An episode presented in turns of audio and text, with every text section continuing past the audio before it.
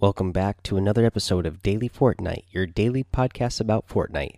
I'm your host, Mikey, aka Mike Daddy, aka Magnificent Mikey. Today, we have a little bit of news. This actually came out yesterday after uh, I uploaded the episode for the 7.1 content update.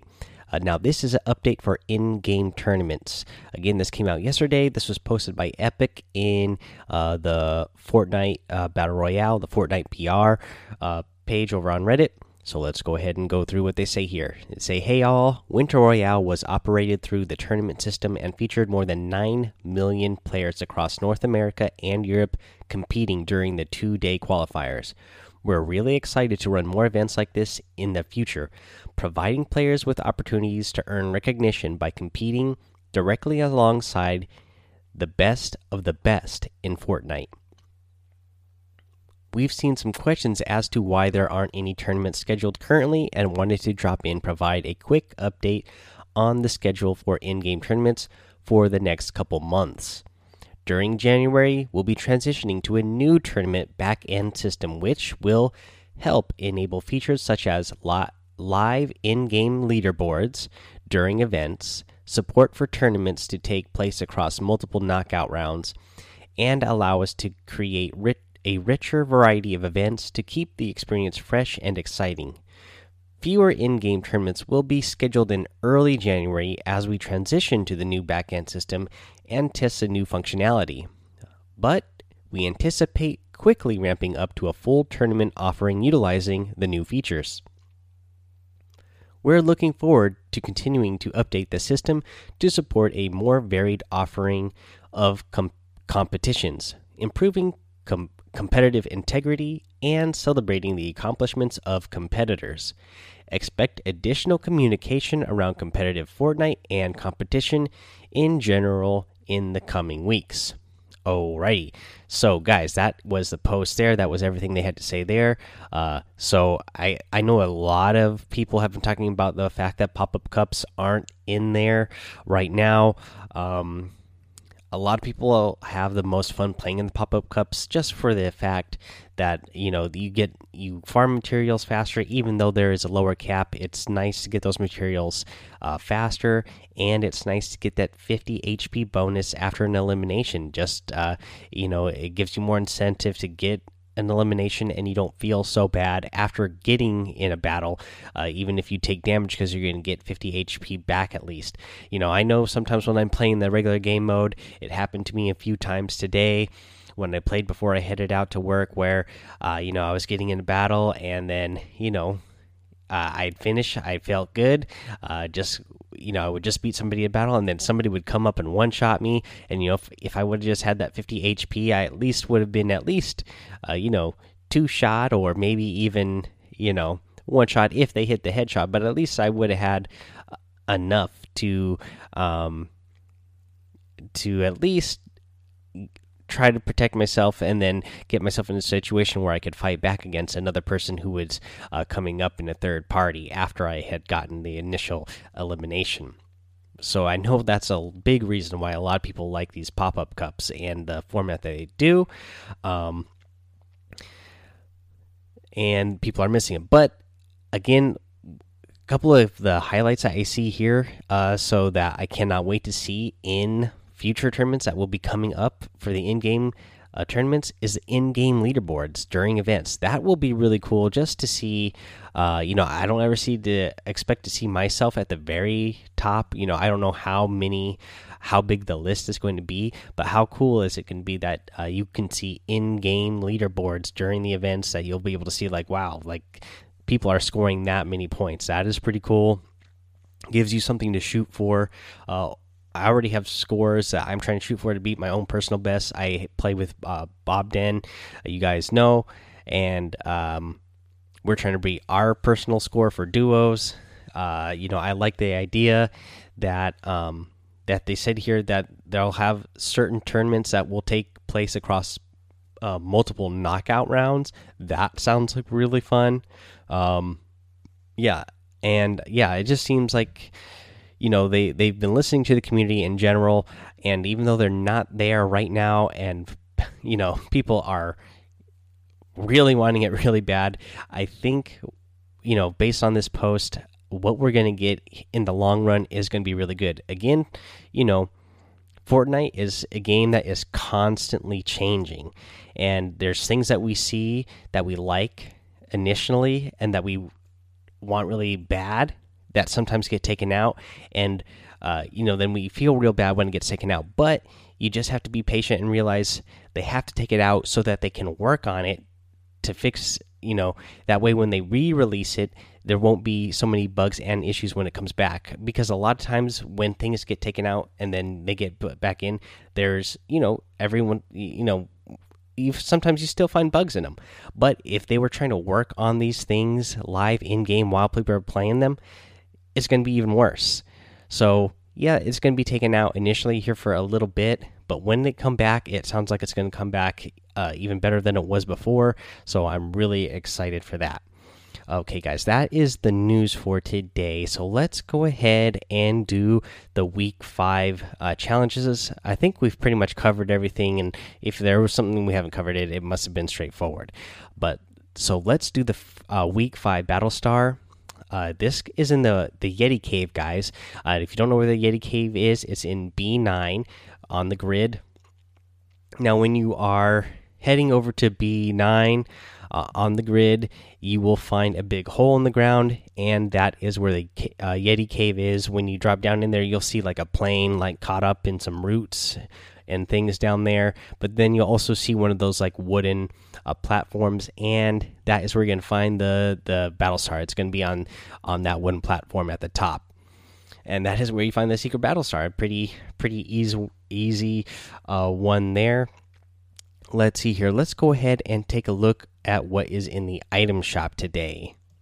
So, over in the item shop today, we have the uh, Musha outfit, the uh, Hime outfit, the Cat's Claw, and the Perfect Glider. Oh, sorry, the Cat's Claw is a harvesting tool. Uh, again, I'm a big fan of this entire set. I I especially like the the Hime. Uh, I'm a big big fan of that one. And uh, let's see here. Yes, uh, I do remember correctly. They do have um, the different styles that you can uh, select after you purchase this outfit, uh, where you can get the Hime wearing the full full mask. Uh, helmet and mask the one the helmet without the mask or just without the helmet and mask at all and I like all all three of those styles. Let's see here. You also have the Tender Defender outfit back in the item shop. This is a, a, a great, funny one. You have the Scrambler harvesting tool and the Flappy Flyer glider. Uh, another great glider that makes me laugh.